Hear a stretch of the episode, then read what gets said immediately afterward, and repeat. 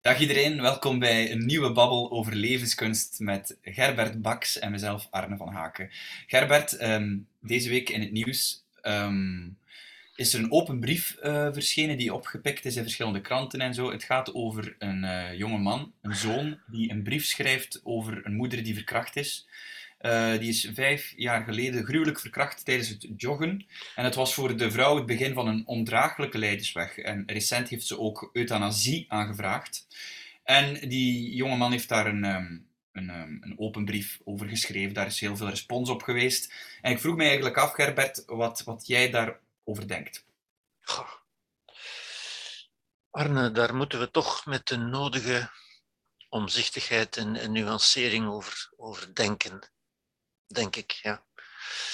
Het is natuurlijk een, een het, het, is een, een feit dat, dat, dat rijk is aan, aan draden die we kunnen oppikken, natuurlijk. Hè. Mm. Om te beginnen in het, in het algemeen over het, over het concept uh, trauma, natuurlijk. Hè. Um, er wordt dan ook altijd gezegd, dat werd in dit geval ook zo, van, van alles is geprobeerd en het is ondraaglijk lijden en zo verder. Ehm, ik, ik denk dat wat psychisch lijden betreft, dat men nooit kan zeggen dat alles geprobeerd is. Ja? ja. Als men het psychisch lijden ook een beetje begrijpt in, in wat het is, en het wordt vaak, te vaak, eigenlijk vergeleken met, met, met lichamelijk lichamelijke pijn. Lichamelijk lijden noemt men dat dan soms, maar dat is eigenlijk lichamelijke pijn natuurlijk. Hè. Een, een lichaam dat lijdt, dat is als gevolg van, van een trauma. Een trauma is een verwonding of een, of een dysfunctie van iets. Ja. Dat is objectief aantoonbaar, zou je kunnen zeggen. Maar psychisch lijden, dat is niet het geval van wonden. Er, zijn geen wonden.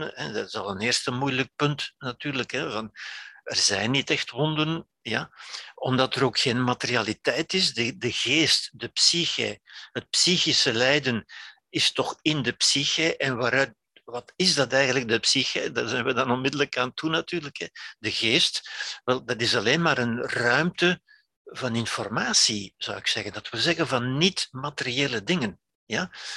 Daar kan in principe geen sprake zijn van wonden of kwetsuren of, of van schade of zo dingen. Dat mhm. zijn materiële dingen. Je kunt iets, iets materieels kun je beschadigen, maar de geest, de, een psyche, kun je toch niet beschadigen. Ja? Een psyche is een ruimte, een geheel van ideeën, van opvattingen, van informatie dus. Ja? Mhm. Gedachtenpatronen in feite. En het lijden het, psychisch lijden is ook altijd, zoals we vroeger ook al gezegd hebben, is eigenlijk een, een, een psychische verkramping. Ja. Een, een, kramp zou je kunnen zeggen, daarmee zou ik het nog het beste kunnen vergelijken. Omdat een kramp is geen wonde, is ook geen schade, maar is een bepaalde toestand. Een toestand van verkramping, maar een verkramping kan ook weer verdwijnen, kan opgeheven worden. Ja? ja. Kan, kan verzachten, kan verdwijnen, ja? Ik vergelijk het veel, veel liever daarmee in feite. En het lijden is uiteindelijk een verkramping tussen twee dingen die eigenlijk inherent zijn aan het leven, die, die, waar elke mens mee te maken krijgt. Ja? Namelijk, er is iets wat ik niet gewild heb, of wat ik niet wil, of er is iets niet wat ik wel wil. Mm. En het is dat conflict ja? Het, het lijden is in feite een poging om iets weg te krijgen, om iets te doen verdwijnen. Ja? Lijden is in feite een signaal van er is iets wat niet goed is. Ja? Uh, jaag dat weg, of uh, lichamelijk kan dat. In, in, de, in de materialiteit, in de natuur, kun je een roofdier proberen weg te jagen, of je kunt zelf gaan lopen. Maar in de psyche van ideeën, ideeën kun je niet wegjagen, en je kunt er ook niet van gaan lopen. Ja? Dus dat, dat, dat, dat patroon van iets te proberen weg te krijgen uit je leven, mhm. wat heel logisch is en heel intuïtief ook, hè? maar dat is eigenlijk juist het lijden. Ja? En het, als je dat inziet, dan begrijp je dat je lijdt omdat je niet wil lijden.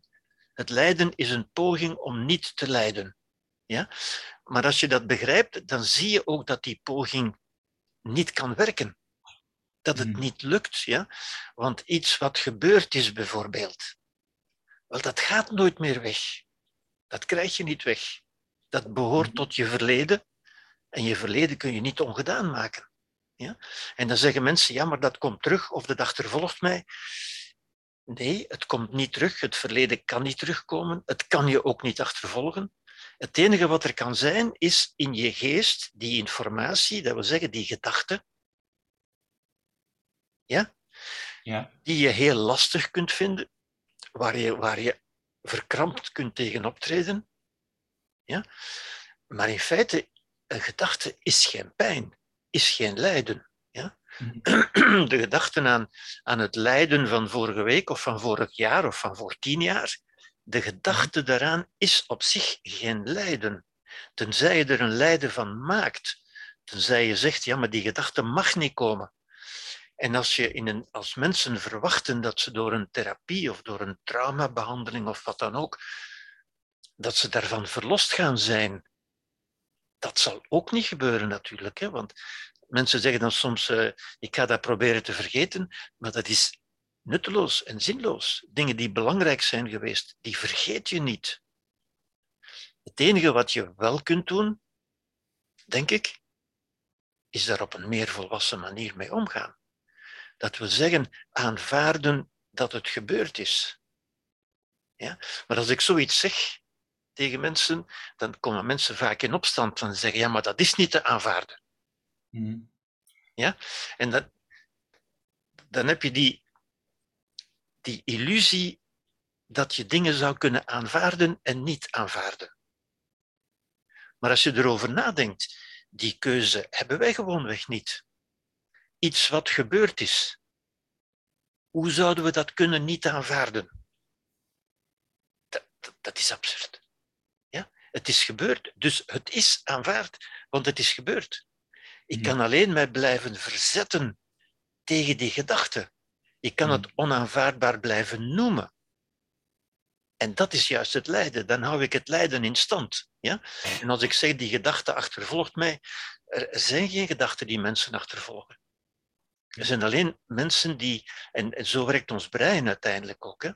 Als, als er in ons brein een gedachte opkomt, of een vraag meestal, hè, waarom moest mij dat overkomen, waarom dit, waarom dat, waarop wij geen antwoord geven, wel dan blijft die vraag in ons hoofd rondtollen, in zekere zin. Ja?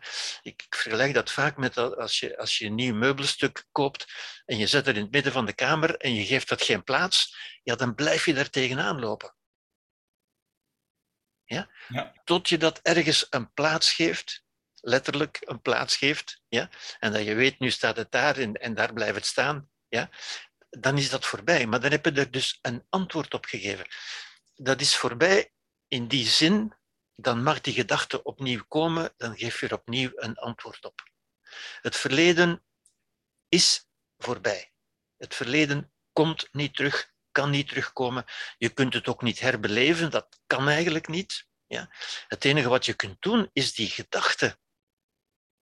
En die gedachte laten vergezeld gaan van emoties en je emoties de vrije loop laten alsof het een realiteit was.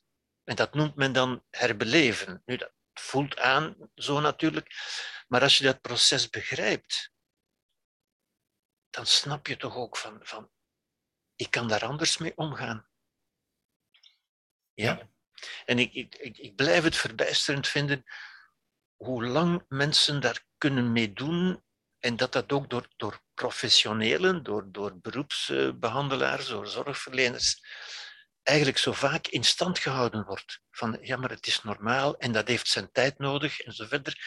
Dat, alleen al dat, dat idee van dat heeft zijn tijd nodig, niets heeft zijn tijd nodig. De tijd doet niets, de tijd gaat alleen maar voorbij. Ja? Het is, de vraag is of jij er je tijd wil aan blijven besteden, of niet. Ja? Mhm. En niemand kan beletten, men kan niet beletten, ook een therapie niet natuurlijk, kan, kan niet beletten dat die gedachte opnieuw opkomt. Gedachten komen in ons in ons op, doodgewoon. Niemand kan zijn gedachten controleren. Dat woord controleren is ook zo, zo een absurd woord eigenlijk, want men controleert dat niet. Het enige wat je kunt doen, is op die gedachte telkens opnieuw een volwassen antwoord geven. En een volwassen antwoord is een, volwassen, is een, is een antwoord van aanvaarding in de zin van ik aanvaard dat mijn leven op zo'n manier verlopen is. Dat wil niet zeggen, en dat is dan opnieuw een verwarring natuurlijk, dat wil niet zeggen dat ik dat wil goed praten, dat ik dat goed vind, dat ik daar blij om ben.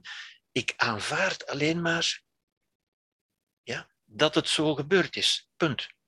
Dat was niet goed, het is nog altijd niet goed, ik wil dat ook niet goed praten, maar ik aanvaard dat mijn leven zo verlopen is. Maar tegelijk besef ik, dat is nu geen actualiteit meer, dat is nu niet, niet werkelijk meer. Dat is een gedachte aan. Nu, ik vind het daarom heel interessant dat we het hebben, ehm, dat we een concreet voorbeeld aanhalen um, om het daarover te hebben. Omdat allee, de feiten zijn de feiten. Die vrouw is vijf jaar geleden uh, op een zeer uh, agressieve manier uh, mm -hmm. toegetakeld geweest en verkracht. Mm -hmm. Ik lees even voor een artikel van Radio 1 dat ik hier voor mij heb. Nathalie Huygens raakte heel ernstig verwond. Ze is zwaar toegetakeld in het gezicht, kan nog steeds niet goed zien en ook haar gebit is verwoest. Maar boven, en dan gaat het over het mentale. Dus dit is heel duidelijk de fysieke pijn ja. en de fysieke ja. gevolgen. Hè? Ja. Zoals je zegt, dat is een fysiek trauma en daar draagt ze nog altijd gevolgen van. En dan komt er het mentale gedeelte, volgens het artikel dan. Maar bovenal is er de zware mentale pijn. Er volgt een lange leidensweg van psychiatrische opnames, een echtscheiding en verschillende wanhoopspogingen. Het ene slechte nieuws volgt het, het andere op, schrijft zoon Wout van Steenwinkel in zijn open brief. Nu, wat ik eigenlijk heel interessant vind, is om, dat, wat jij net verteld hebt, is het fysieke, is heel duidelijk de pijn en de fysieke gevolgen. Ja. dat zijn de feiten. Um, maar zoals je zegt, feiten zijn feiten, um, maar je antwoord daar telkens op, je respons, daar heb je wel een, een vrijheid in. Juist toch, hè? Ja, absoluut. absoluut. Ja. Maar dat, en, um, zeg maar, sorry. Dat, dat wordt ons niet gezegd. Hè. Men, zegt ook altijd bijvoorbeeld, ik, ik, het, het, het, triggert mij ook altijd, het treft mij ook altijd, hè, dat men voortdurend zegt, wat doet dat met een mens? Alsof dat iets doet met een mens. Ja? Ik denk de goede, de goede reflex zou zijn, wat doet een mens daarmee? Ja? Maar gewoon die, die, die banale uitdrukking die we voortdurend horen ook, hè, wat doet dat met een mens? Dat, dat brengt je eigenlijk al, eh, ik overdrijf misschien lichtjes, maar dat brengt je al in de slachtofferpositie. Slachtoffer is een van de meest gebruikte woorden natuurlijk, hè, maar dat, dat induceert al dat je iets ondergaat, dat er iets met je wordt gedaan waarover je geen, geen macht zou hebben of waar, waar je geen invloed zou kunnen op hebben. Ja? En ik denk dat juist niet, eigenlijk nu. Maar dat is natuurlijk een volwassen denken, wat, wat, waar de meeste mensen niet aan toe zijn, wat ze, wat ze bijna onmogelijk vinden, wat ze, wat ze dan soms onmenselijk gaan noemen en zo verder. Terwijl ik denk dat dat gewoon een volwassen denken is. Ja? Feiten zijn feiten, maar feiten doen niets met een mens. Een mens doet iets met die feiten. Zie je, dat verlegt meteen de focus van die feiten die iets doen op een, en nu gebruik ik weer een veelgebruikt cliché, op een on, uh, onschuldig slachtoffer, zal ik maar zeggen, ja? versus tegenover een volwassen mens die iets doet met de feiten die hem overkomen. Mm. En dat is het leven. Het leven zijn toch feiten die ons overkomen. Ja? Mm. Ik, ik, ik, zou zeggen, van, van een kind houdt men vaak de, de, de realiteit een beetje weg. Men, men beschermt een kind, men, men beschut het, men beveiligt het en zo verder. Men houdt het eigenlijk van de realiteit weg. Men creëert een zone van, van comfort en, van, en van, uh, van gezelligheid en van leukigheid rond een kind, heel vaak. Ja? Rond veel volwassenen ook trouwens natuurlijk. Maar vroeg of laat moet zo'n mens, een kind, een mens, toch leren van het leven, dat zijn feiten die zich voordoen rondom ons. En er is niemand die ons blijvend een comfortzone zal creëren. Dus het is toch aan mij, aan een volwassen mens, Ja? Maar dat zegt men ons veel te weinig. Hè? We leven in een, in een cultuur van klagen en slachtoffer en, en klacht neerleggen en zo verder. En, en de dader moet gestraft worden en zo verder. Ja? Hm. Maar waar men ons niet leert, onvoldoende leert van op daar op een volwassen manier mee om te gaan. En dat is helemaal iets anders dan wat men dan zegt, als ik zo'n dingen durf zeggen. Ik durf dat ook, ook niet altijd natuurlijk, hè, maar dan, dan zegt men ja, maar dan leg jij de schuld bij het slachtoffer misschien. Nee, ik leg niet de schuld bij het slachtoffer. Je bent niet schuldig aan wat er, wat er je overkomt, wat er gebeurt, maar je bent wel verantwoordelijk voor hoe je daarmee omgaat. En dat is iets anders. Ja? Verantwoordelijkheid is een, is een essentiële kwaliteit van een volwassen mens, denk ik. Ja?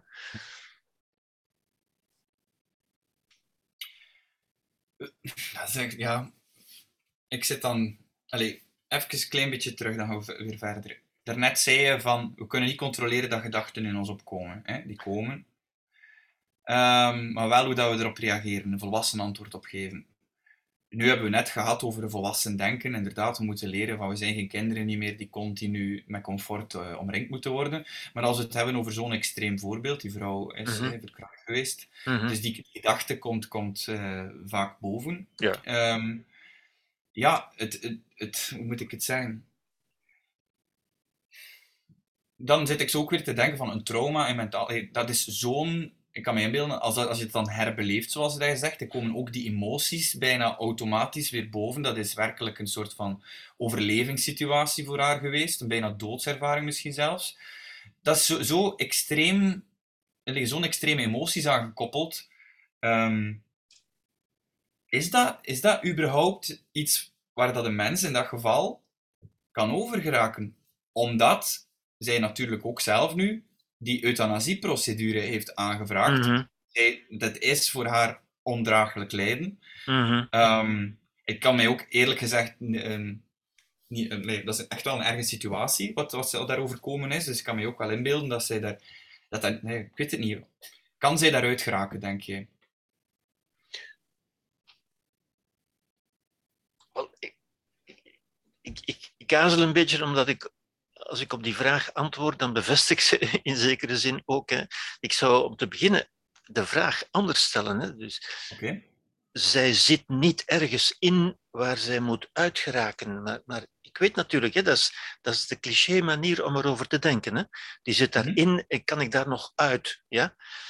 Ik denk, die zit nergens in en die moet ook nergens uit. Hè. Maar... Okay. Ik denk alleen die, die zij kan leren zien, ik kan daar ook op een volwassen manier mee omgaan. Op een meer volwassen manier. Ja? En ik, ik kijk uh, natuurlijk naar, naar wat er nu gebeurt in Oekraïne bijvoorbeeld. En als je daar die dingen ziet, uh, kan een mens daarmee omgaan? Ik denk een mens kan daarmee omgaan. Mm -hmm. ja. Ik denk dat wij als mens we zijn, ja, ik heb dat ook, we hebben het daar ook al over gehad, denk ik. Hè. Wij zijn erfgenamen van mensen die met met heel veel heel moeilijke dingen al hebben omgegaan. Ja? Mm. En mensen die er niet mee om konden, die zijn er gewoon niet meer. Wij zijn afstammelingen, ieder van ons is afstammeling van mensen die voldoende geselecteerd waren op, op veerkracht, op, op volwassenheid, om daarmee om te kunnen. Ja? Een mens is ongelooflijk veerkrachtig en is ongelooflijk uh, bestand tegen tegen de realiteiten van het leven, zou ik zeggen. Ja, wat er in Oekraïne gebeurt, dat is natuurlijk dat is onmenselijk, zou ik zeggen. En toch kunnen mensen daarmee omgaan. Ja? Wij kunnen dat. Ja? Mm -hmm. Behalve als men ons zegt dat we dat niet kunnen. En dat we dat gaan geloven, natuurlijk. Ja? Ja. En dat is een beetje het, het perverse, zou ik, zou ik bijna zeggen. Hè? Waar een aantal uh, ik heb een aantal uh, psychiaters die, die dezelfde mening zijn toegedaan, natuurlijk, die, die dat ook zeggen. Maar als men ons doet geloven dat we dat niet aankunnen, dat we beschadigd zijn, een, beschadiging die nooit iemand heeft vastgesteld, overigens, wonden die nooit iemand heeft gezien. Ja? Maar ja. men kan zich wel, men kan dat wel gaan geloven. En het, het merkwaardige, het, het, het wonderlijke bijna zou ik zeggen, hè, is dat wat wij geloven, dat wordt ook onze realiteit. Ja? Ook de realiteit van ondraaglijk lijden. Ja? Het, het is toch bijna een, een, contradictie in terminis van dat te zeggen, ondraaglijk lijden. Ja?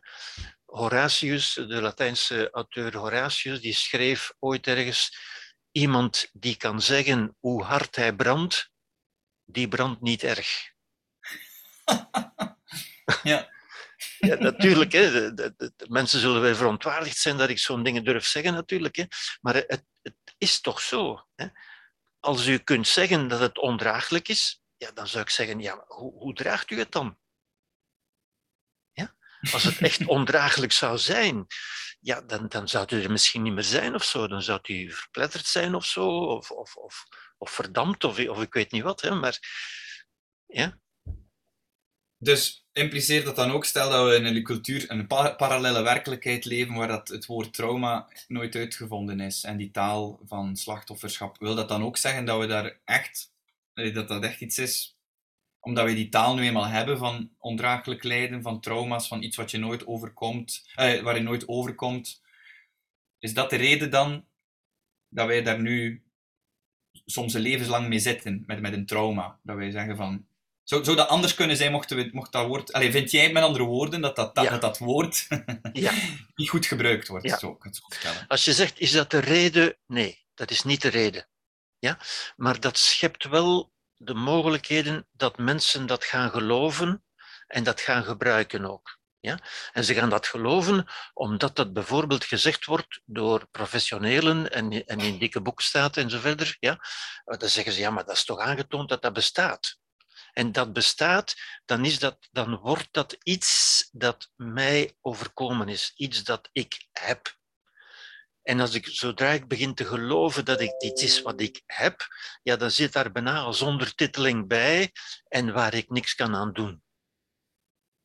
Ja? Die, die disempowerende, die ontmoedigende gedachte van, van, van, van ja, kijk, het is zover, nu heb ik dat en nu moet ik alleen maar vinden, iemand vinden die mij, een deskundige, die mij daar kan van verlossen.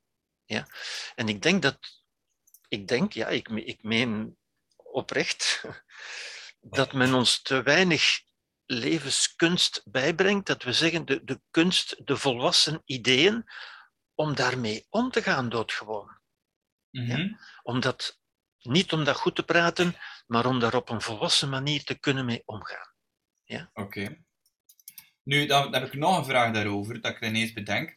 Stel inderdaad, het, het, we benoemen dat fenomeen niet. We hebben dan nooit geleerd die taal van een trauma en je daar heel tijd last van hebt. Zou dat fenomeen dan wel nog bestaan? Zou, want gedachten komen spontaan op. Hè. Kan bijvoorbeeld die vrouw, uh, concreet, die vrouw is vijf jaar geleden verkracht, heeft daar tot op de dag van vandaag mhm. nog heel veel last van. Stel dat die taal van trauma's en zo niet zou bestaan, is dan, allez, zou dat, dat is mijn eerste vraag, zou, zou dat dan anders beleefd worden voor, voor mensen? Ik heb het nu niet specifiek over die vrouw, maar iedereen die, die trauma's heeft, Zouden we dat anders beleven of zouden daar een ander verhaal rond bestaan? Maar ik denk dat mensen vroeger veel erger dingen meemaakten. Ja, dat mhm. heeft ook altijd bestaan. Ja. Maar natuurlijk, het probleem zit juist in onze gedachten. Ja. Als je naar dieren kijkt, zoals ik dat vaak doe en vaak zeg, ja, als een dier aan een aanranding, een, een, aan, een aanval, eh, als, een, als een gazelle ontkomt aan de aanval van een tijger, zeg maar, en dat gebeurt ook, hè, want het gebeurt hier regelmatig, wel, een half uur later staat hij opnieuw rustig te grazen met de kudde. Ja? Dat wil zeggen, dat zit in ons organisme. Wij kunnen dat ook. Ja? Kunnen wij dat ook, want wij zijn geen dieren, hè? wij zijn mensen, we hebben een prefrontale cortex. Juist, juist, dat wil ik net zeggen. Wij zijn ook een dier, dus wij kunnen dat ook.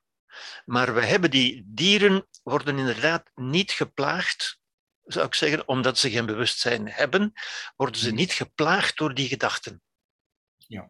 En bij ons is dat inderdaad, je kunt zeggen, dat maakt het extra moeilijk, het feit dat we daar voortdurend terug aan denken, op een ongevraagde manier. Niemand wil dat.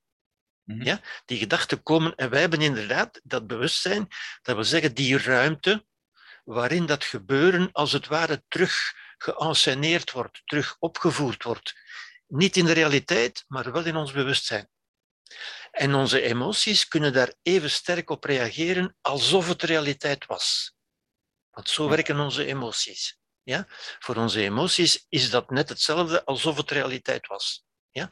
En dus we herbeleven dat zo gezegd. Maar met datzelfde bewustzijn kunnen we toch ook gaan beseffen van, kijk, dit is toch maar een voorstelling. Dit zijn niet de feiten.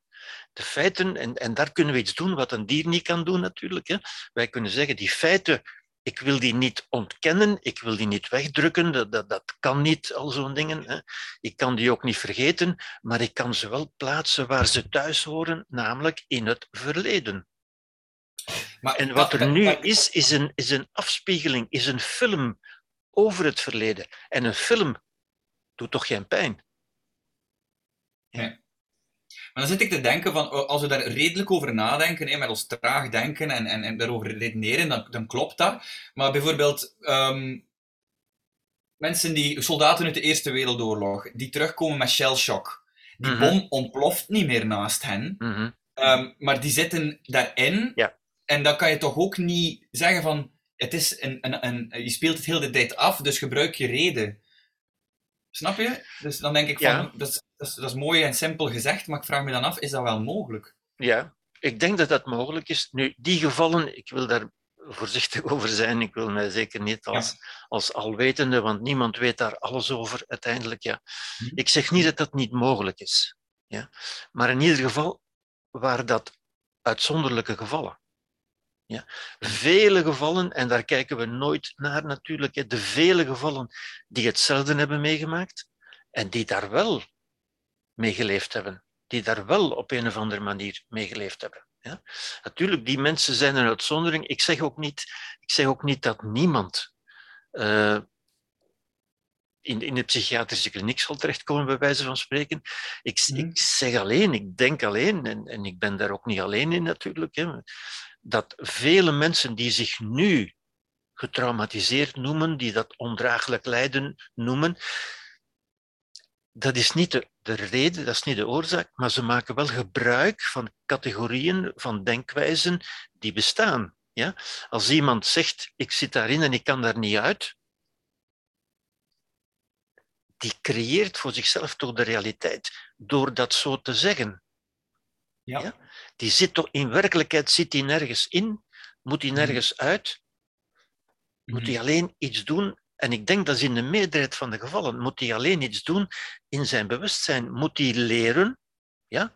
En dat kan, dat kan een tijd in beslag nemen, eventueel. Vooral als men altijd omringd is geweest door een comfortzone, zou ik zeggen. Als men dat niet vroeger geleerd heeft. Vroeg of laat moet men leren dat die dingen in het leven kunnen voorkomen.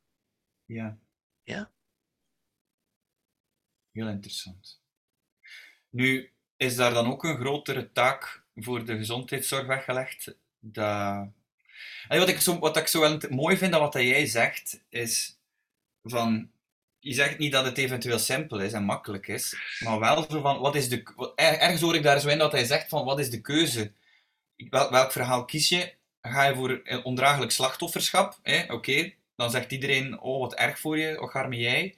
Maar jij zit wel met dat iedere keer weer, uh, ik zit daarin vast, ik raak er niet uit. Met andere woorden, je levenskwaliteit is heel, heel slecht. Of ga je toch eh, voor een, een, meer empowerend narratief van, ook al is het misschien heel, heel mhm. erg wat je overkomen is, probeer er een, een, een zin aan te geven. Denk je dat er daar meer uh, een grotere taak voor weggelegd is in de gezondheidszorg? Ik, ik denk het wel. Want zoals je het nu voorstelt, zullen mensen daar terecht tegen in opstand komen, denk ik. Ik, ik zou het ook zo niet willen zeggen. Mensen denken soms dat ik het zo zeg, hoor. Ja? Want het is namelijk geen keuze. En, en dat is weer een beetje moeilijk. Hè? Je, hebt, je hebt gelijk, er wordt een keuze gemaakt. Er is een keuze. Maar de meeste mensen, of vele mensen, beseffen niet dat ze een keuze hebben. En dus zij maken ook geen bewuste keuze. Als je het voorstelt, zoals je het net zegt, is het alsof die mensen gekozen hebben. Alsof ze duidelijk zeggen, ja, ik kan zo of ik kan zo, maar ik kies van dat te doen. Zo is dat kiezen niet. voor slachtofferschap bedoel je dan? Of, of kiezen ja, voor inderdaad. Ja, ja, ja, ja, inderdaad. Hè. Kiezen voor slachtofferschap. Niemand kiest daarvoor. Ja? Dus ik, ik denk, of waarschijnlijk uitzonderingen weer niet te nagesproken, maar de, we zeggen de merendeel van de mensen kiest daar zeker niet bewust voor. Gelooft oprecht dat ze geen andere keuze hebben, gezien wat hen overkomen is. Ja? En dat wordt ook zo gesteld door vele professionelen. Ja? Van gezien wat, wat u overkomen is, ja, nu ga je toch lang therapie nodig hebben hè, om, om ooit daar bovenuit te komen enzovoort. Ja? De vraag die je ook stelt, kun je daar bovenuit komen? Ja. En zie je hoe moeilijk dat onderwerp eigenlijk ligt? Ja? Hoe, hoe makkelijk men ook beschuldigd gaat worden van ja, maar dat is dan blaming the victim, zoals dat tegenwoordig heet. Hè, van, van, uh, want men verwart natuurlijk ook heel gemakkelijk als er keuze is, ja, dan is het zeker mijn eigen schuld geweest. Ik heb er toch niet voor gekozen. En inderdaad, die mensen hebben er niet voor gekozen. En mensen die daarin zitten, en nu zeg ik het ook natuurlijk, hè, en dat, dat is de macht van de taal, hè, dat we dat niet. Mensen die in dat proces zitten, zou ik moeten zeggen, die dat proces mhm. ehm, beleven, zal ik het maar noemen, ja, mhm. die zijn oprecht van mening dat ze geen andere keuze hebben. Ja? Dat het niet anders kon. Ja. Ja? En het is juist, en dat is juist ja, wat, we, wat meer algemeen kennis zou moeten zijn, levenskunst die meer algemeen bewustzijn zou moeten zijn, van er is inderdaad eigenlijk altijd keuze. Je hebt hmm. nooit keuze, dat is iets wat Epictetus al zei in de, in de eerste eeuw van onze tijdrekening. Die, die zei, een van de belangrijkste dingen om te beseffen is waar je iets kunt doen en waar je niets kunt doen. Waar, waarover je bevoegdheid hebt, controle noemen we dat tegenwoordig, hè? waar je bevoegdheid hebt en waar niet. En niemand van ons heeft bevoegdheid over wat er in de wereld gebeurt, om ons heen. Ik niet, uh, jij niet, uh, en er kan van alles gebeuren. Ja? Maar we hebben wel bevoegdheid over wat er in ons gebeurt. En alleen al dat onderscheid, het onderscheid tussen wat ik dan vaak de externe context en de interne context noem, ja, wordt bijna nooit meegegeven. Daar wordt nooit over gesproken. Men, men zegt, dat zit in die eenvoudige uitdrukkingen van, kijk, dat is wat er gebeurt en dat is wat dat met mij doet. Want dat doet toch iets met een mens, zegt men dan zo. Hè? Dat is de populaire psychologie, zou ik zeggen. Ja? Hm. Dat doet iets met een mens. En dat wil zeggen, ja, kijk, dat heeft iets met mij gedaan en ik kan daar niks aan doen. Mhm. En we hebben niet voldoende die, die, de, eigenlijk die elementaire wijsheid, dat elementaire besef, dat wat in mij gebeurt, is toch iets heel anders dan wat om mij gebeurt. En mhm. wat in mij gebeurt, is wat ik heb gedaan, wat ik doe met wat om mij is gebeurd. Ja, ik, ik, denk dan ook aan de uitspraak van Sartre natuurlijk, hè, die, die zegt, vrijheid is wat wij doen met wat ons wordt gedaan. Wat ons wordt gedaan, daarin hebben wij geen keuze. Of mensen vriendelijk zijn of niet, of omstandigheden gunstig zijn of niet, daarin hebben wij geen keuze. Maar het antwoord dat we daarop geven, hoe ga ik daarmee om? Ja? ik verwijs, kan een mens dat wel? Ik verwijs bijvoorbeeld naar Victor Frankl. Hè? Ja, ik, heb, ik heb hem onlangs nog op mijn Facebook gezet, want dat was gisteren of eergisteren zijn verjaardag. Ja? ja. Wel, die, die is daar een schitterend voorbeeld van. Hè? Naast ja. zoveel anderen die we helaas te weinig kennen. Die, ja, te weinig, mensen die Victor Frankl niet kennen, dat, was een, eh, dat is een, een Joodse arts die in, het, uh, in Auschwitz, denk ik, zat. Ja. Ja. En daar eigenlijk um, ja. Ja, toch betekenis aan heeft kunnen geven aan de omstandigheden die verre van Zeker, zeker. En die daar ook een boek over geschreven heeft en die daar ook een therapievorm van gemaakt heeft uiteindelijk. Ja. Man's Search for Meaning. Ja, ja Man's Search for Meaning, inderdaad. Hè. En, en dat, dat staat ook aan bij wat Nietzsche zegt eh, bijvoorbeeld. Hè. Hij zegt, een, een mens, je kunt met alles leven als je maar weet waarvoor je leeft. Ja, dat is een mooie. Een mens kan eigenlijk alles aan als je weet waarvoor je leeft. En dan zijn we onmiddellijk bij, bij, bij een ander onderwerp, we hebben het daar ook al over gehad, denk ik, namelijk mhm. over de zingeving. Victor mhm. Frankl heeft de logotherapie, noemt hij dat. Mhm. Dat wil zeggen de therapie die berust op het ontwikkelen van zingeving. Waarom zou ik dat doen? Wat kan ik nog doen? En dat opent een toekomst. In plaats van die focus op het verleden, het verleden dat mij achtervolgt, u kunt uw aandacht ook verleggen naar de toekomst. Want dat is het eigenlijk. Hè? Het verleden achtervolgt u niet, Ja. achtervolgt niemand. Ja? Maar het is uw aandacht die, die, die u onwetend laat aanzuigen door het verleden. En het enige antwoord is weer bewustzijn en redelijkheid van moet ik zoveel aandacht blijven geven aan mijn verleden? Ik kan toch mijn aandacht richten op de toekomst. Ja? Maar, maar zie je, dan is er weer het excuus van ja, maar ik heb geen toekomst, van kijk eens naar mijn verleden. Ja. Terwijl ik dan op zou, zou antwoorden, als je toekomst begint te maken, te creëren, als je je toelegt, als je je aandacht richt op de toekomst, dan verliest het, belang aan, eh, het verleden aan belang. Ja. Ja. Het verleden doet niets met u. Het is wat u doet met het verleden en met uw toekomst en met uw heden. Ja? Dat is een veel verantwoordelijkheid creërende, empowerende, zoals men zegt. Ja? Wat u doet, niet wat dat met u heeft gedaan, maar wat u ermee doet. Ehm, ja, eigenlijk op basis van die twee citaten dat je aanhaalde van Epictetus en dan van Nietzsche, daar, daar, daar zit zoveel in, maar ook makkelijk mis te verstaan, of toch niet helder Ja. te verstaan. Ja. In de zin dat Epictetus dan zei van hé, wat er rond je gebeurt, je, moet- je, moet, je moet weten hé, waar je eh, bevoegdheid over hebt. Je innerlijke wereld, daar heb je wel bevoegdheid over. Ja. Maar dat is ook, dan ook niet elk aspect natuurlijk, want je zegt zelf van gedachten komen op. Dat, dat kan je, niet, je kan niet zeggen ik ga daar niet aan denken, Mhm. die gedachte Mhm. komt op. Dus ja, als je dan juist. zou lezen, en dan zou je zelf al veroordelen van oké, ik snap wat, dat, wat dat er hier gezegd wordt, maar ik blijf wel denken, in het geval van die vrouw, aan, aan die vreselijke beelden ehm, van die verkrachting. Ja. Dus het, het is wel, je moet er wel inderdaad meer, meer inzicht over hebben van hoe werkt deze logica van het lijden, wat zijn de verschillende aspecten van waar kan je mee omgaan, hoe kan je die emoties sturen, toch? Ja, absoluut, absoluut. Dus u moet weten, en dat is, dat is weten, dat is kennis tegenwoordig, hè, maar die we tegenwoordig hebben, maar die behoort tot de kennis die eigenlijk elke volwassene zou moeten hebben. Hè. Dat wat je voelt bepaald wordt door wat je denkt. Je creëert emoties, je roept emoties op door je gedachten. Ja?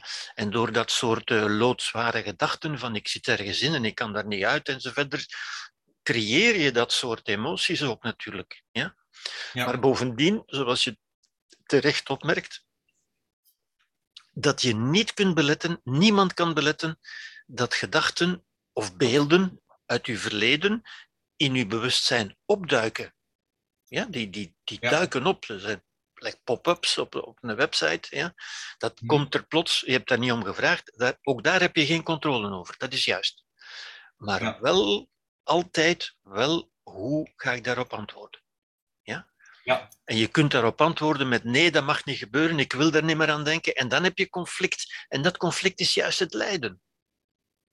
Ja? Mhm. Maar als je zegt, ja, die gedachte die, die, die mag komen. Mhm. Want ik geef daar een volwassen antwoord op. Dat is een gedachte die gewoon wegkomt uit, uit mijn verleden. En door die houding zal die gedachte al minder vaak komen, om te beginnen. En als ze komt, geeft u er een volwassen antwoord op. Het zijn alleen gedachten waar u zich blijft tegen verzetten. Er, is ook zo dat, dat, dat eh, gezegde, what you resist, persist. Ja? Dat waar je niet wil aan denken. Hè? Zoals mensen die zeggen, ik wil niet aan sigaretten denken of niet aan alcohol. Ja, waar ben je dan mee bezig? Je bent eraan aan het denken. Ja. Je, je, dat kan niet. En dat is, een, dat is een elementaire wijsheid over hoe wij functioneren, over het menselijke functioneren. Ja? Maar Gerbert, dat, dat vind ik ook zo. Jij zegt dan van iedere volwassene zou dat moeten weten hoe Ja. dat werkt. Ja. Denken Ja. roept emoties op en dat klinkt zo evident voor jou. Maar dat is helemaal niet. Nee. Allee, zelfs, gewoon, zelfs gewoon de definitie van een volwassene. Voor ons is iemand die meer is dan 18 jaar en er wordt niet over gezegd van. Ja, dat is is waar. iemand die, Dat is verant- waar. allee, die, Dat die weet. Dat Dus ik vind dat, ik vind dat ook zo. Jij, jij noemt dat een volwassene, maar voor veel mensen is dat verlichting. Hè? Dat is de verlichting berekend. Dus Ja, dat wordt veel groter gezien. En jij noemt dat dan maar. Eigenlijk is dat iets wat dat elke volwassene zou moeten ja, wel ja, maar de- je kunt de twee concepten samenbrengen. Hè. Elke volwassene Ja. zou verlicht moeten zijn. Ja. Ja. En je, je legt met andere woorden, door, door dat woordgebruik, ik vind dat wel mooi, want dan zeg je ook van, je betuttelt niemand, je legt de standaard ook hoog. Eigenlijk is dat iets wat de algemene kennis zou moeten zijn. Maar de realiteit ligt er zo ver van, denk ik. Zelfs voor, zelfs voor mij, ik lees heel graag jouw boeken, ik ben er altijd uh, mee in aan het verdiepen. Het is zo tegenintuïtief, ja. dat het helemaal niet zo evident is om een volwassene te zijn, denk ik. Het is tegenintuïtief en het is ook tegen sociaal soms tegen sociaal, ja. Ja, mhm. inderdaad. Nochtans is dat, is dat kennis, zijn dat inzichten, dingen die men zou moeten weten, gewoon weten, ja, die, die, die oneindig veel belangrijker zijn dan, dan, dan de voetbaluitslagen of dan weten waar je kunt gaan skiën of, of welke auto je moet kopen of zo, waar mensen mhm. wel tijd in steken. Ja? Mhm. Mensen steken soms meer tijd in het voorbereiden van een skivakantie dan in nadenken over hun leven er wordt ook niet over. Er wordt nergens in het onderwijs bijvoorbeeld daarover. Uh, allee, als, als het niet in de mainstream media uh, wordt aangehaald, omdat er eh, het nieuws uit andere dingen bestaat, zou je toch moeten zeggen van dat moet in het onderwijs zo zijn. Ja, inderdaad. Inderdaad, inderdaad. En dan hebben we dat nogal gezegd. Hè? Dat filosofie, dat is eigenlijk filosofie. Hè? Filosofie is nadenken over het leven. Hè? Zou inderdaad in het onderwijs uh, zijn plaats moeten hebben. Veel nee, meer dan... dan filosofie, want, want als je het hebt over levenskunst, gaat het ook over evolutionaire psychologie, gaat het over moraliteit. Ja, ja inderdaad. Waar het zou mensen... echt een vak moeten zijn, levenskunst, in zich krijgen en ja. de logica van ja. lijden, logica van welzijn. Zeker, zeker. Daar ben ik het helemaal mee eens. Daar ben ik het 200% mee eens, natuurlijk. Mensen zouden daar elementaire, gezonde begrippen moeten over hebben. Ja? En, en maar is het dan zo ver af? Is het dan, sorry, maar dat is, dat is nu iets wat mij gewoon persoonlijk raakt. Zijn we dan zo ver af van dat inzicht dat we gewoon niet bij manier van spreken een brief kunnen sturen naar het ministerie van Onderwijs? Waarom niet? Waarom niet? Want we gaan allemaal gelukkiger mensen worden. We gaan ook mm -hmm. nog altijd in een neoliberale maatschappij geen burn-outs hebben. Dus het is ook goed voor de, voor, voor de neoliberale maatschappij. Maar wa waarom, Zeker. Wa waarom niet? Is dat, is bijvoorbeeld dat is dan eh, het vak godsdienst bijvoorbeeld, of zinsbeleving, of wat, is, wat bestaat er allemaal? Filosofie. Waarom, waarom um, is dat dan uitgehold? Waarom is daar geen aandacht meer voor? Zijn we gewoon ja. kennis verloren? Is de filosofie zo verarmd geweest? Is dat niet meer relevant ja. geweest voor ons? Ja, ja denk het wel. Hoe is dat denk het wel. Ik denk het wel. ja. Ik denk het wel. En dat is inderdaad, we, we hebben meer behoefte, dat is wat ik ook altijd zeg, en een aantal andere mensen ook natuurlijk, hè. we hebben meer behoefte aan filosofie dan aan psychologie en psychiatrie. Ik zeg niet dat die totaal overbodig zijn, hè, maar we hebben veel meer behoefte aan filosofie dan aan psychologie en psychiatrie. Ja. En die, die, die filosofie was inderdaad in het begin, rond, onze, rond het begin van onze tijdrekening, in het Grieks-Romeinse humanisme, meer aanwezig en dat was ook de filosofie toen, dat was waar de filosofie toen mee bezig was. Ik zeg niet dat toen iedereen dat, dat wist, dat was ook niet waar natuurlijk. Hè? Maar goed, het was in ieder geval wat onderwezen werd in de, in de filosofische scholen. Ja? En mm. om dat nu heel rudimentair, schematisch, te schematisch, maar, maar daarom niet, niet helemaal onjuist te zeggen, zou ik zeggen, dat is eigenlijk verdwenen, of een verdwenen niet, hè, maar een beetje onder, onder de grond gegaan, ja, toen het christendom boven de grond is gekomen, zou ik bijna zeggen. Ja? ja. Uit de catacomben toen dat een godsdienst werd. Met andere woorden, de filosofie is een beetje verdrongen door de godsdienst. Verdrongen is ook een te sterk woord, hè? vervangen zou ik zeggen. Ja? Mhm. Maar het, het motto van de, van de scholastiek, van de middeleeuwse filosofie, de filosofie heeft zich daar ten dienste gesteld. Ze noemde zichzelf de dienstmaagd van de, van de religie. De filosofie is een dienstmaagd geworden. En, en uh, Aquinas, uh, Thomas van Aquinas bijvoorbeeld, bedreef filosofie om de filosofie van Aristoteles en, en van Plato geschikt te maken voor de religie. Ondergeschikt aan de religie, uiteindelijk. Ja? En dan met, met de verlichting. Ik maak nu een hele grote stap hè, na, de, na de middeleeuwen. Met de verlichting, met de opkomst van de wetenschap, is eigenlijk de wetenschap dat gaan overnemen. En is de wetenschap, heeft de wetenschap stilaan de godsdienst verdrongen. We, we geloven dat nog weinig, vele mensen geloven dat niet meer echt. Maar het is nu de wetenschap. En de wetenschap neemt, en, en dat is toch belangrijk van dat te zien ook, hè, met de wetenschap, hoeveel bewondering ik daar ook voor heb als intellectuele prestatie van de mens, als, als, als buitengewoon interessante discipline, die ons ook heel veel heeft opgebracht. Ja? Maar voor de meeste mensen, voor de gewone mens, voor wie niet filosofisch of wetenschappelijk geschoold is, mhm. neemt de wetenschap de, de, de plaats in van de religie. In die zin dat ze dat ook maar moeten geloven. Als je geen wetenschapper bent, ja, dan moet je maar geloven wat de wetenschap zegt. De wetenschap, en niet eens de wetenschap, maar de, de vertegenwoordigers van de wetenschap.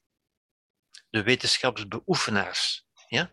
De mensen met de witte jas en de, en de stethoscoop, eventueel. Ja? Dat zijn eigenlijk de priesters van de wetenschap. Ja? En wat die ons zeggen, een, een, mens, een gewone mens heeft niet veel keuze dan dat maar te geloven. Dat zijn toch de deskundigen. Die we ja, maar dan zeggen ze ook, het is, het is, ik denk niet alleen dat, het, het, is ook gewoon zo, als ze zeggen, als een wetenschapper zegt, het is wetenschappelijk bewezen, wie zijn wij dan als niet-wetenschappers, als dat zo is? Dat, dat, is ook juist, het is wetenschappelijk bewezen. Maar het gaat erover van uh, beseffen dat wetenschap maar een deel, allez, een deeltje kan onderzoeken, toch? Allee, Inderdaad, inderdaad. En dat is dan een volgende bewustzijn natuurlijk, dat zou, dat zou moeten komen, dat ook wel gekomen is. Maar niet bij iedereen natuurlijk, hè, dat ook wel gekomen is. Dat wetenschap ook maar een bepaalde manier van kijken naar en onderzoeken van de realiteit is. Ja?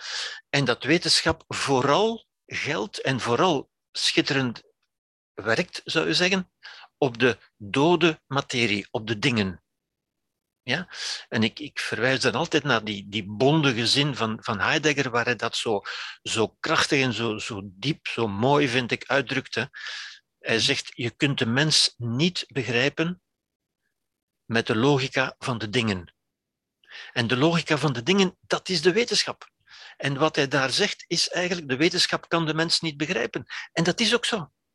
Mhm. En daarom hebben we eigenlijk opnieuw levenskunst nodig. Het is een kunst en wetenschap kan kunst niet begrijpen. Ik vind het, ik vind het diep tragisch, grote woorden. Dat is ook zo. ja, maar dat, is dat ook we, zo. Dat, we, dat is ook zo.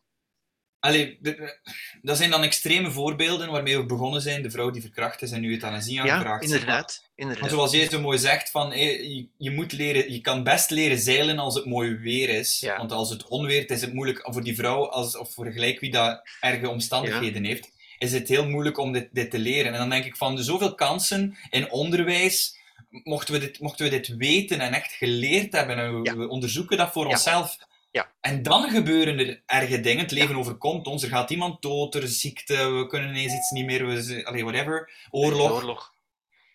Ja, dan, dan kunnen we, dan kunnen we die levenskunst toepassen. Ja, absoluut. Absoluut. Absoluut. Nu zijn we zo, nu, zoals je zegt, nu weten we niet dat die keuze bestaat of, of dat er een keuze juist, is. Juist. En dat, is, ja, dat, dat sluit onmiddellijk aan. Ik, ik denk bij mijn grote inspiratie de Boeddha natuurlijk. Hè de Boeddha die zei, alle lijden komt uit onwetendheid.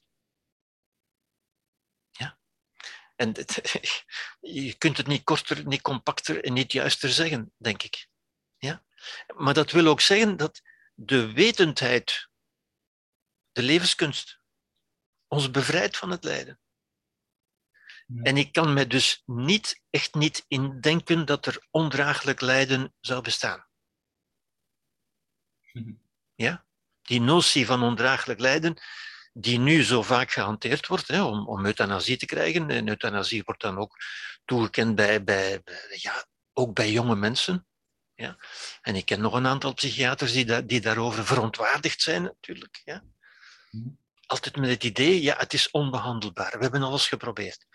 Uh, er is niet alles geprobeerd. Ja? En als je zegt, er is niet alles geprobeerd, wat bedoel je daar dan mee?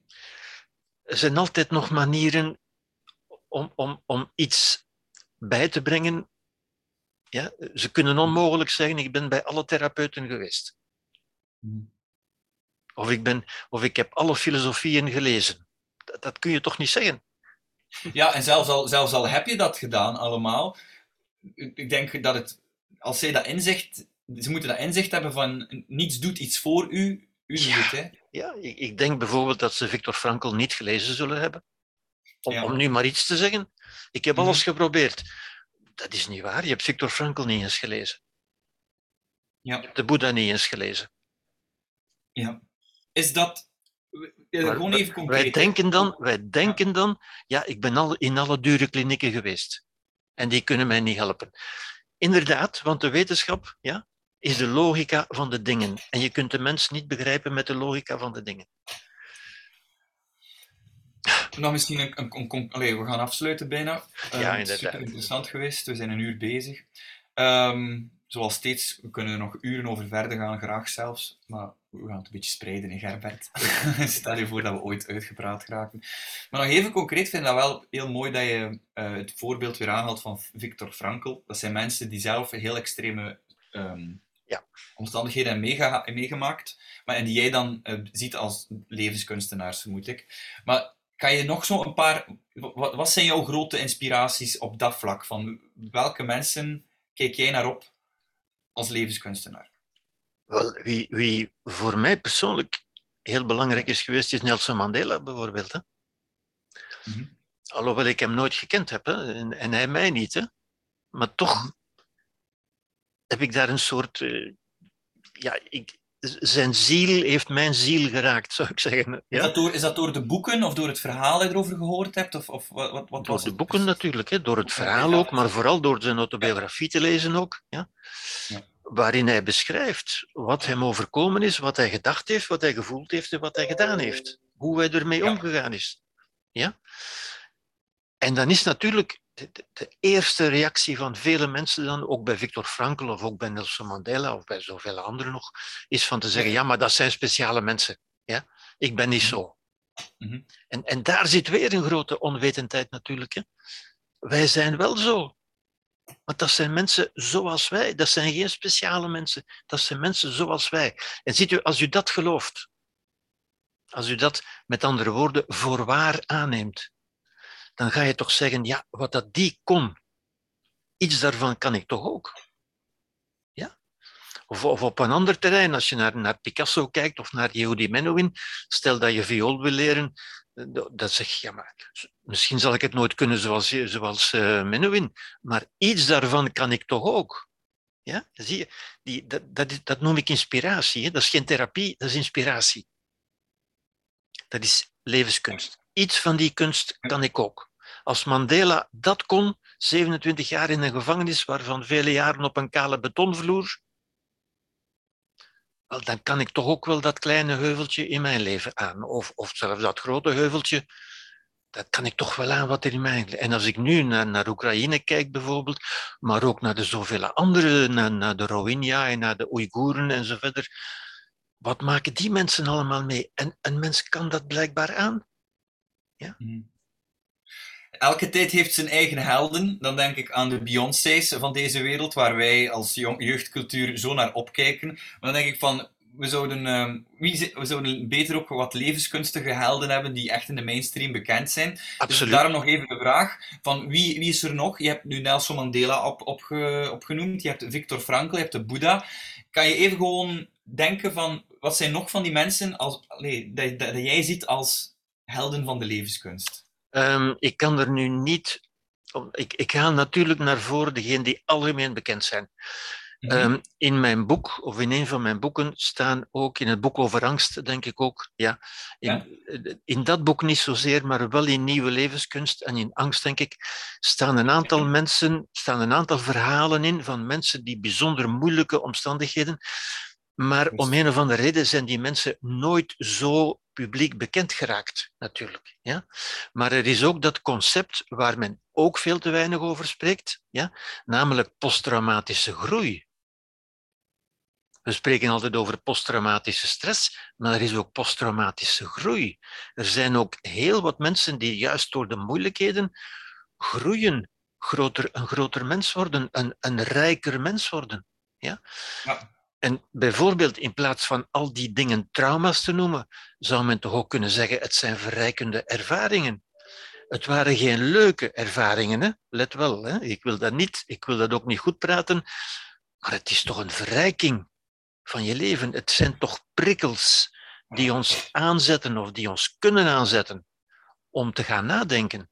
En de, de, de, de, de respons zou kunnen zijn, in plaats van te gaan denken van hoe kan ik iemand vinden die dat voor mij kan oplossen, zouden we toch kunnen zeggen, hoe kan ik dat oplossen? Hoe kan ik daar anders over denken? En dat denken is alleen maar omdat wij denken in de gewone clichés van de samenleving, van, van wonden en kwetsuren en trauma en slachtoffer en, en zo verder, en nooit meer uitgeraken en zo verder. Dat, ook dat zijn woorden die in ons oppoppen, opborrelen, omdat het de clichés zijn van het sociale discours, ja? maar die onze, onze, onze ervaring bepalen, die woorden creëren onze ervaring. En ook dat weten we niet genoeg, dat beseffen we niet genoeg. Mm het, het belang van de, van de taal die gesproken wordt. Ja. En die we dus tegen onszelf spreken. Ja. ja. Nu, daar zouden we natuurlijk ook nog een heel, een heel gesprek kunnen over wijden. Absoluut. Maar ik um, kan iedereen aanraden, inderdaad, uh, Gerbert, ook in je boek Nieuwe Levenskunst, inderdaad, daar heb je een heel deel, denk heel deel drie of zo, gaat er over van de verschillende levenskunsten van een paar grote figuren of mensen die inspirerend geweest zijn. Gaande van Spinoza, denk ik, tot zelfs Spinoza, een mooie Ik dacht aan Spinoza bijvoorbeeld ook, ja. Ja, ja. Die zijn inderdaad niet zo mainstream bekend, maar je schrijft er heel. Zelfs De Kleine Prins, het boekje van de levenskunst van De Kleine Prins, ja, inderdaad. die figuur die je aanhaalt, van waar er wel veel levenskunst in zit. Ja. Uh, of, of Buckminster Fuller, vond ik ook een mooie anekdote. Ja, die je aanhaalt. Ja. Dus, ja. Uh, kan je die even kort zeggen, uh, Buckminster Fuller, van gaat over die anekdote, als het nog herinnert. Van, ja, dat ja, ja natuurlijk. natuurlijk. Uit het dat zijn allemaal dingen die mij geïnspireerd hebben, natuurlijk. Hè? Maar wie kent Buckminster Fuller? Niemand kent hem. Nu, hij was, hij was een van de grote denkers uh, van, van, uh, in Amerika, vorige eeuw. Um, en op een bepaald moment uh, in zijn leven was alles tegengegaan. Hij was gescheiden van zijn vrouw, denk ik. Zijn vrouw had hem verlaten. Zijn zaak was failliet gegaan en zo verder. En op een bepaald moment, ondanks dat hij zo'n briljante geest was, op een bepaald moment liep hij aan Lake Michigan, dat, ik weet het nog altijd, en hij liep daar te denken en, en, en hij was aan het overwegen om een einde te maken aan zijn leven. En toen op een bepaald moment kreeg hij die, zo een inval waarvan je niet weet waar die vandaan komt, hè, die, die ik in mijn leven ook al meegemaakt heb. Zo. En, en hij zei, hij dacht bij zichzelf, maar ik ga dat niet doen, maar ik ga doen alsof ik al dood ben. Ik ga voortaan leven alsof ik al dood ben.